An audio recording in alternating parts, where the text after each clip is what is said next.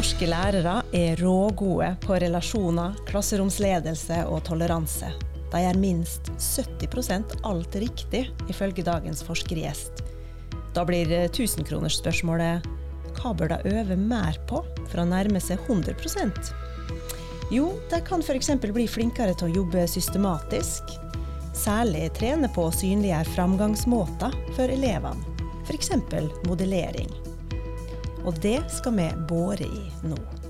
Velkommen til læring, Kirsti Klette og Line Nordfjell. Takk. Kirsti, du er i dag professor ved Institutt for lærerutdanning og skoleforskning, og har jobba med klasseromsobservasjoner og undervisningskvalitet i over 30 år. I tillegg er du i dag leder for et senter her på Universitetet i Oslo. QUINT, som det heter. Quality in Nordic Teaching, som er et eh, Center of Excellence. Og det sammenligna matte, norsk og samfunnsfagsundervisninga i det nordiske klasserommet men først så vil jeg da stille deg et litt dumt spørsmål, kanskje. Hva er god undervisning, egentlig?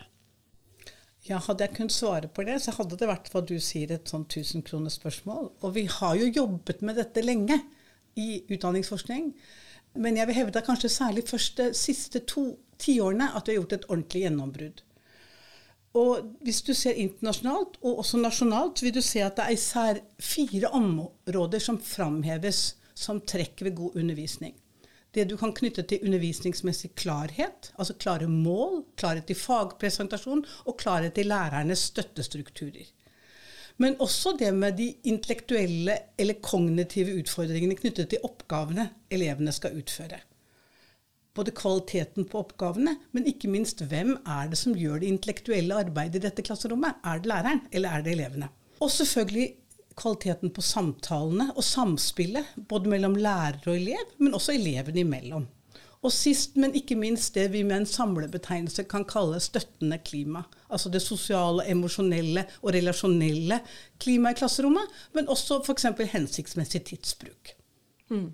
Men du sier at dette her har det tatt uh, veldig lang tid å finne ut av. Det er bare for ti år siden at det kanskje begynte å, å, å bli klart for dere. Hva har vært utfordringa forskningsmessig?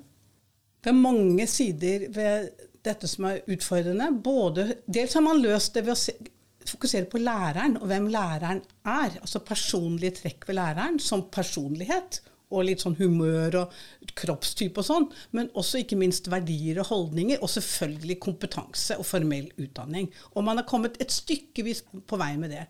Men de siste årene har man også særlig fokusert på hva læreren gjør. Altså hva læreren gjør faktisk i den konkrete undervisningen inne i klasserommet. Og det er især i dette feltet liksom vi har gjort disse store sjumilsskrittene knyttet til disse fire områdene jeg nevnte. Og så er det selvfølgelig at ett enkelt område er ikke nok i seg, men det er hvordan de spiller sammen. og de er selvfølgelig også vil virke sammen ulikt i ulike klasser, knytta til elevsammensetning og grupperingen i klassen og sånne type ting. Mm. Og eh, vi har en lærer med oss her i dag. Eh, Line, du har jobba som lærer i 25 år, aller mest i videregående. I dag er du norsklektor og nøkkelveileder ved Lambertseter videregående skole i Oslo. Aller først, hva er en nøkkelveileder? Ja, som, eh, som, nøkkelveileder har jeg ansvar for å følge opp eh, studentene som er i praksis hos oss. Og jeg koordinerer da studentpraksisen og støtter studentveilederne. Men eh, en annen viktig del av stillingen min er jo også da veiledning av nytilsatte. Så jeg observerer i en god del klasserom og fungerer som en samtalepartner. En man kan eh, reflektere sammen med over egen undervisningspraksis. Det er vel eh, kanskje de to viktigste oppgavene mine, men først og fremst er jeg norsklektor, da. Først og fremst er du norsklektor, og hva er god norskundervisning? Ja, eh, det er jo et veldig komplisert spørsmål. Men jeg, jeg tenker jo at det handler eh, om å utfordre elevene faglig og intellektuelt. Og samtidig være med på å skape motivasjon og gi elevene tro på seg selv og mulighet til å vokse menneskelig være med på å skape et trygt klassemiljø der det er uh, mulig å utfolde seg uh, slik at vi får det beste ut av hverandre. Og i de siste årene, kanskje de siste par årene, har det vært eh, mye fokus hos oss på hvordan vi som lærere kan gi elevene tilbakemeldinger som faktisk hjelper. Og, og vi har også jobbet mye med modellering, støttestrukturer, eh, særlig da i skrivearbeid. Mm. Har du eksempel på ei god og ei dårlig tilbakemelding?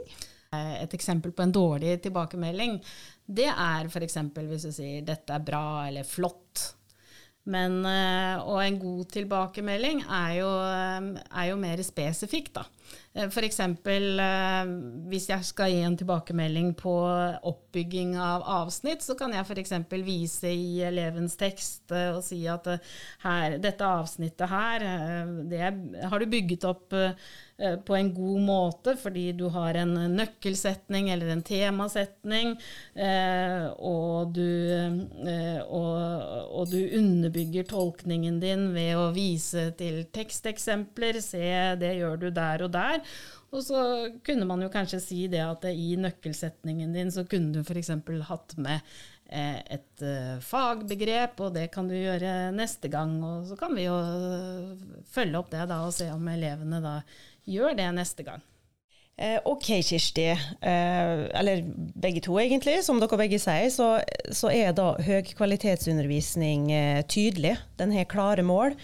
Det betyr at klasserommet er godt leda. Klasserommet er intellektuelt stimulerende, òg for elevene. Og den inneholder gode samtaler. Og I innledninga avslørte jo i hvor i landet norske og nordiske lærere ligger. Men du må utdype det her, Kirsti. Hva er lærere i Norden skikkelig gode på, og hva er de mindre gode på? Som vi, du og vi snakket om innledningsvis, så er vi strukturelt på en måte godt rusta til god undervisning i Norge og de nordiske land. Knytta til liksom, nasjonale læreplaner, formell utdanning hos lærerne, skolebyggenes kvalitet, infrastruktur, alle typer tekstbøker og læringsressurser. Alt det er på plass. Men som jeg sa, så har god undervisning især de siste to tiårene vært fokusert på hva læreren gjør med dette inne i klasserommet i den konkrete situasjonen. Og Utgangspunktet for at vi har kikka på dette, er et større videostudie i Norge, finansiert av Forskningsrådet, som heter 'Linking Instruction and Student Achievement', for alt må gå på engelsk nå. Og vi kaller det bare LISA på norsk. Og der har vi analysert og fulgt 97 forskjellige lærere spredd omkring i Norge i de to fagene matematikk og norsk. Og så har vi analysert deres undervisning med henblikk til disse fire områdene. Og der ser vi og vi har brukt litt det samme designet på nordiske klasserom innenfor dette nordiske senteret jeg leder. Og der ser vi at norske og nordiske lærere er samstemte gode på to ulike områder. For det første så er de rågode på det du kan kalle et støttende klima. Altså hvordan tilrettelegge for et sosialt stimulerende sosioemosjonelt miljø i klasserommet. Inkludert hensiktsmessig tidsbruk. Her er norske og nordiske lærere veldig gode. Alle, Tilnærmet alle av våre 94 lærere scorer på høyeste score, nærmest, på, når vi har analysert disse klasserommene på dette. Her er det gjort et stort stykke arbeid. Men det de tilsvarende scorer lavt på, er dette med klarhet i undervisningens mål og eksplisitte støttestrukturer fra læreren. F.eks. knytta til bruk av modellering, knytta til strategiundervisning og bruk av strategier, og faktisk også tilbakemeldinger. Mm. Kan ikke du forklare litt hva modellering er, du òg? Gi et eksempel på det det er f.eks. at læreren viser hvordan han eller hun vil løse en oppgave. F.eks. la oss si at elevene skal tolke et dikt. Så kan læreren f.eks. si hvis jeg skal tolke diktet, så vil jeg f.eks. begynt med å se på enderim versus eh, altså, komposisjon på diktet. Altså vist hvordan han eller hun ville løst den oppgaven. De gjør det en del i matematikk, fordi det er en sterk tradisjon for det i matematikk, men de gjør det påfallende lite i f.eks. norsktimene i vårt materiale, og som igjen dekker altså til og med 200 timer og 47 ulike lærere spredd rundt hele Norge. Så det er et ganske stort studie. Så her har vi en liten jobb å gjøre. Jeg har bare lyst til å si, knyttet til dette med at de scorer så høyt på dette med det sosioemosjonelle klimaet, her er det noen interessante utviklingstrekk. For når jeg har holdt på så lenge som du sier, så har jeg vært heldig å kunne følge dette over tid. Og her ser vi noen ganske interessante utviklingstrekk bare det siste tiåret, knytta til fokus på klasseledelse. At det er en langt bedre struktur og ledelse av de klasserommene vi har vært inne i nå de siste tre-fire årene, um, sammenlignet med de klasserommene vi var inne i på begynnelsen av 2000-tallet. Hvor det var mye aktivitet, men også veldig mye kaos. Og det f.eks. gjenfinnes når norske elever scorer på høyt på dette med bråk og uro i norske klasserom. Det ser vi i PISA-undersøkelsen fra 2000 og 2003 og 2006 og opp til 2009. Rundt 2010 så skjer det et skifte. Og mm. jeg kan tenke at kanskje man da har jobbet veldig systematisk med dette. Riktig. Er det her noe du kjenner igjen, Line? Ja da. Eh, altså, Dersom eh, det er atferdsproblemer i klassen din, så synes jo det veldig godt. Eh, det er ofte tydelig for både elevene og, og læreren selv hvis klasseledelsen ikke fungerer. Men eh, og, og så tenker jeg det Hva som er god klasseledelse, fokuseres det jo også veldig på i lærerutdanningene. Og samtidig så er jo det er jo klasseledelse vanlig, et veldig vanlig samtaleemne blant lærerne på, på skolene. Altså, Hvis klasseledelsen er dårlig, og hvis man har problemer med klasseledelse, eh, så skjønner man eh, at man må gjøre noe. Og det er støtte å, å, å få. da. Det er veldig lett å få støtte på det, syns jeg. Men eh, altså, hvis man da som lærer ikke er så god på modellering, stillasbygging og strategiundervisning, eller tilbakemelding også for den saks skyld, eh, så er det langt mindre synlig både for en selv og, og, andre, mener jeg. Og det krever altså et annet innblikk i og, og forståelse av egen undervisningspraksis, mener jeg. Derfor egner jo også disse emnene seg godt til å arbeide med systematisk over tid, f.eks. slik vi har gjort i, i norskseksjonen på Lambertseter videregående skole. Hva gjorde at dere starta med det? Altså det? Jeg må bare minne lytteren på at grunnen til at vi sitter her og snakker om kvalitet på undervisninga nå, det er jo fordi at vi i dag vet at læreren sin undervisningskvalitet er en like sentral faktor for læring som heimebakgrunn til elevene. Eh, og dere to har faktisk jobba i lag i, i, et forskningsprosjekt. Eh, fortell litt om det, Line. Ja, vi har jo da deltatt uh, i, i, VIST, og en viktig suksessfaktor Og VIST, VIST, står for Videos to Support Excellence in Teaching. Ja, Og Lambertseter er da de som har deltatt der. Ja, mm. Eh, og En viktig suksessfaktor ved skolen var jo at det var frivillig å delta, og at man iallfall delvis fikk tid i fellestiden på skolen for å arbeide med dette prosjektet. da. Så jeg tenkte det var rett og slett en gavepakke å få en veileder utenifra som kunne bruke så mye tid på å reflektere sammen med meg om akkurat min undervisning, så jeg meldte meg på. Og eh, dessuten så trengte jeg på det tidspunktet noen nye utfordringer. Jeg tror nettopp at det er viktig at utviklingsarbeid tar utgangspunkt i et følt behov. Og I begynnelsen så var det jo veldig ubehagelig å ha filmkamera i klasserommet, men eh, det glemte jeg etter hvert. Og jeg vil jo si at uh, hvis det er det utviklingsarbeidet som, som eh, nok har hatt mest effekt på min undervisningspraksis. Og jeg tror jo jeg tror vi som deltok var ganske fornøyde, og at det ga en smitteeffekt i resten av iallfall norskseksjonen på skolen. Mm. Og vi har jo drevet eh, Så senere har vi drevet um, iallfall ett år med kollegaveiledning med utgangspunkt i, i, filming i klasserommet, da, som en slags forlengelse av dette VIST-prosjektet. Nettopp, så dere fortsatte det ja. gode arbeidet. Ja. Men la oss gå litt tilbake, for hva skjer når Kirsti og gjengen hennes kommer og installerer et kamera i klasserommet? Hvor lang tid tar det før du blir trygg, f.eks.? Mm, ja, det er vel litt individuelt, og det, det kommer vel litt an på hva man skal undervise i også. Men eh, ja, jeg, sy jeg syns det var ubehagelig første gang.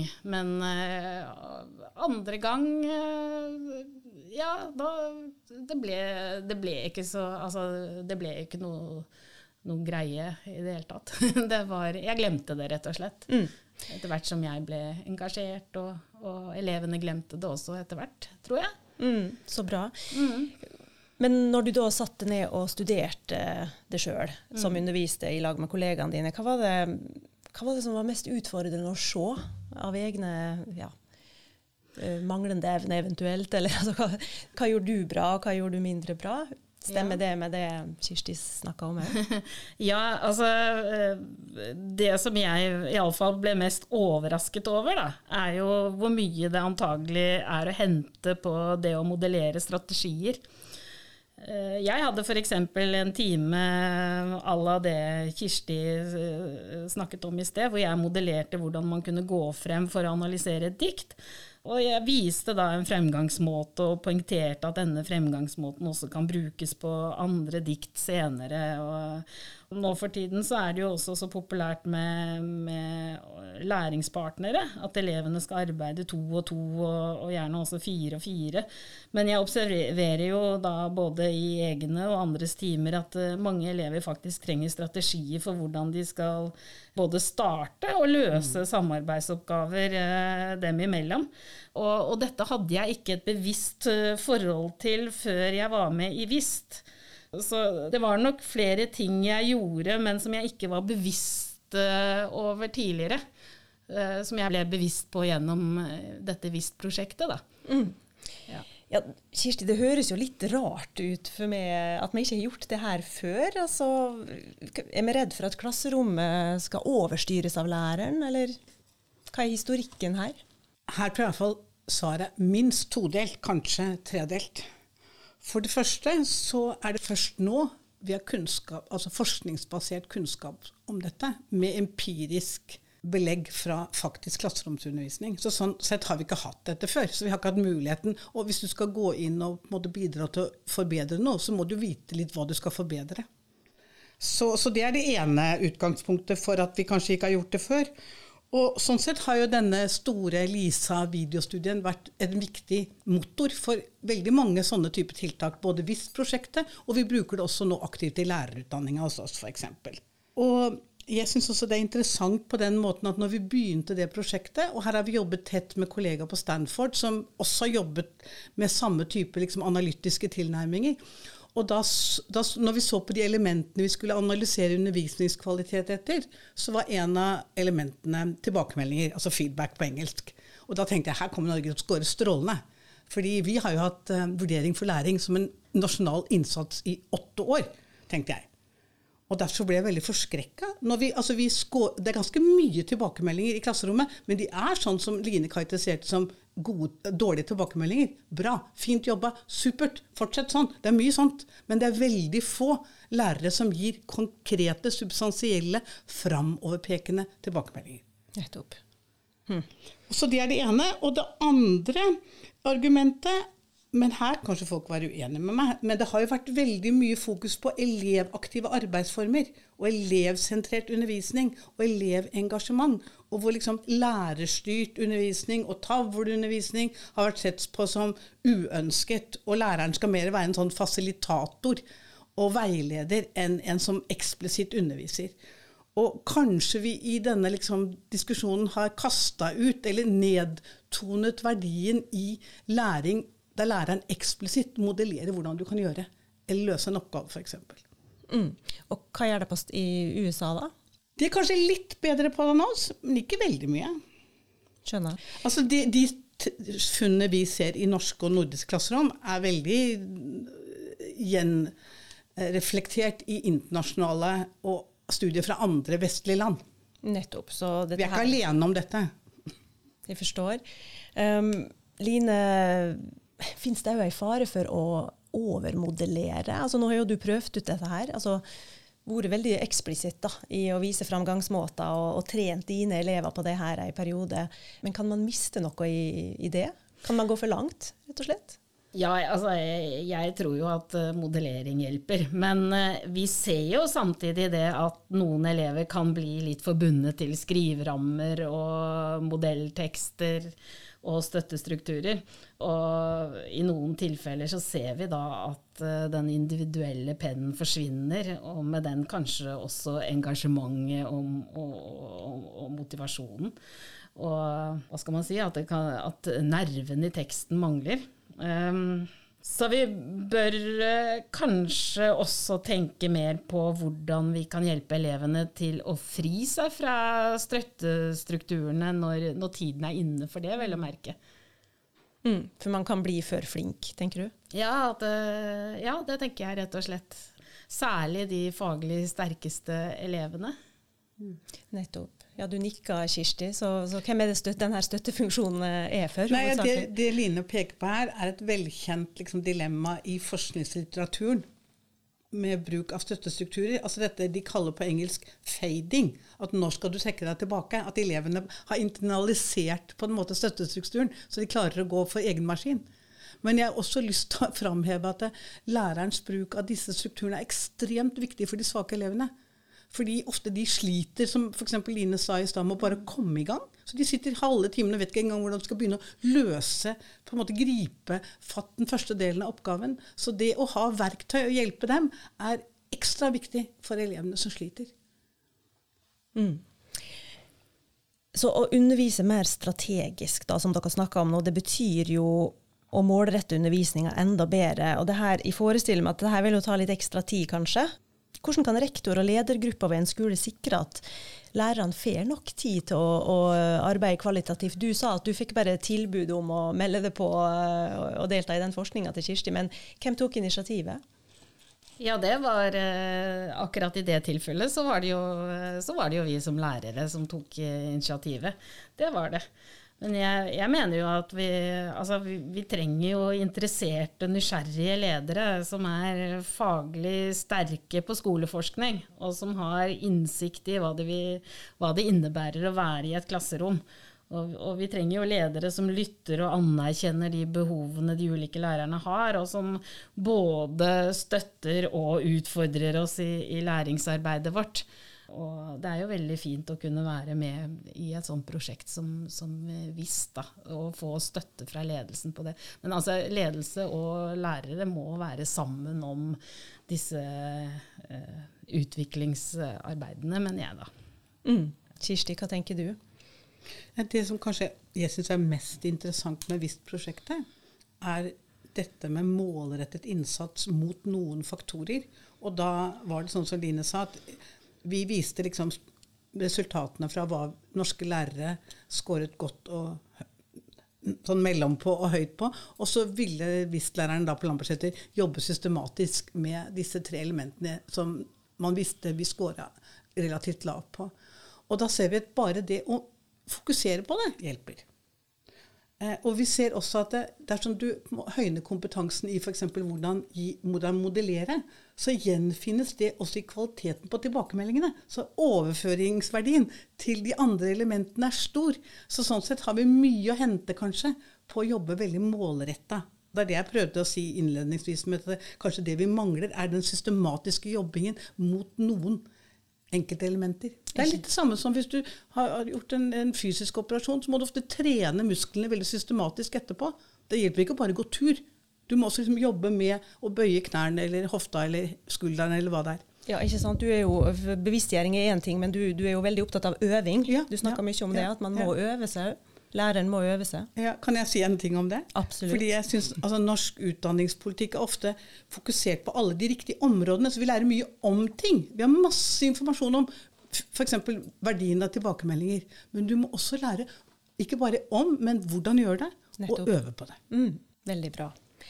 Og da tenker jeg at vi skal avslutte med å gi fordi det er jo et veldig godt råd, Kirsti, at uh, lederne må, må, kreve av lærerne sine at de faktisk øver på det. ikke sant? Du sammenligner ofte med sykepleiere som skal mm. sette sprøyte. De kan ikke bare mm. lære det teoretisk, Nei. de må øve seg på det. De må sette minst 50 kanyler før de får lov å gå ut i feltet. ikke sant. Um, ja, så Hvor skal lærerne begynne, da, eh, for å bli bedre på det her? Eh, Line, du har jo, eh, du har jo gjort det.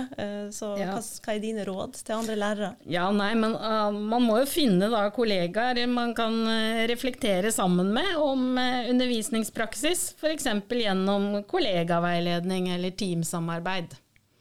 Og Kirsti, har du noen andre flere råd? Nei, jeg syns at sånn som dere har jobbet på Rambudsjetter, er et veldig morsomt eksempel. Og så har jeg jo litt lyst til å understreke verdien av disse visuelle representasjonene.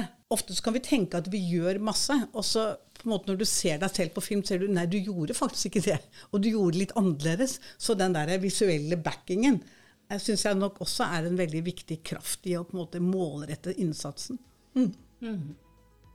Og med det så tror jeg at jeg takker dere to for at dere tok dere tid til å komme hit og snakke om kvalitet med læringlytterne. Kirsti Klette, professor ved Institutt for lærerutdanning og skoleforskning, og Line Nordfjell, norsklektor ved Lambertseter videregående skole. Du har hørt en episode av Det utdanningsvitenskapelige fakultets podkastserie Læring, som ble researcha av Misha Jemsek og Monica Bjermeland. Produsent var Shane Colvin. Hvis du likte det du hørte, så tips gjerne en venn om oss. Du finner oss der du lytter til podkast. Mitt navn er Monica Bjermeland, og vi høres.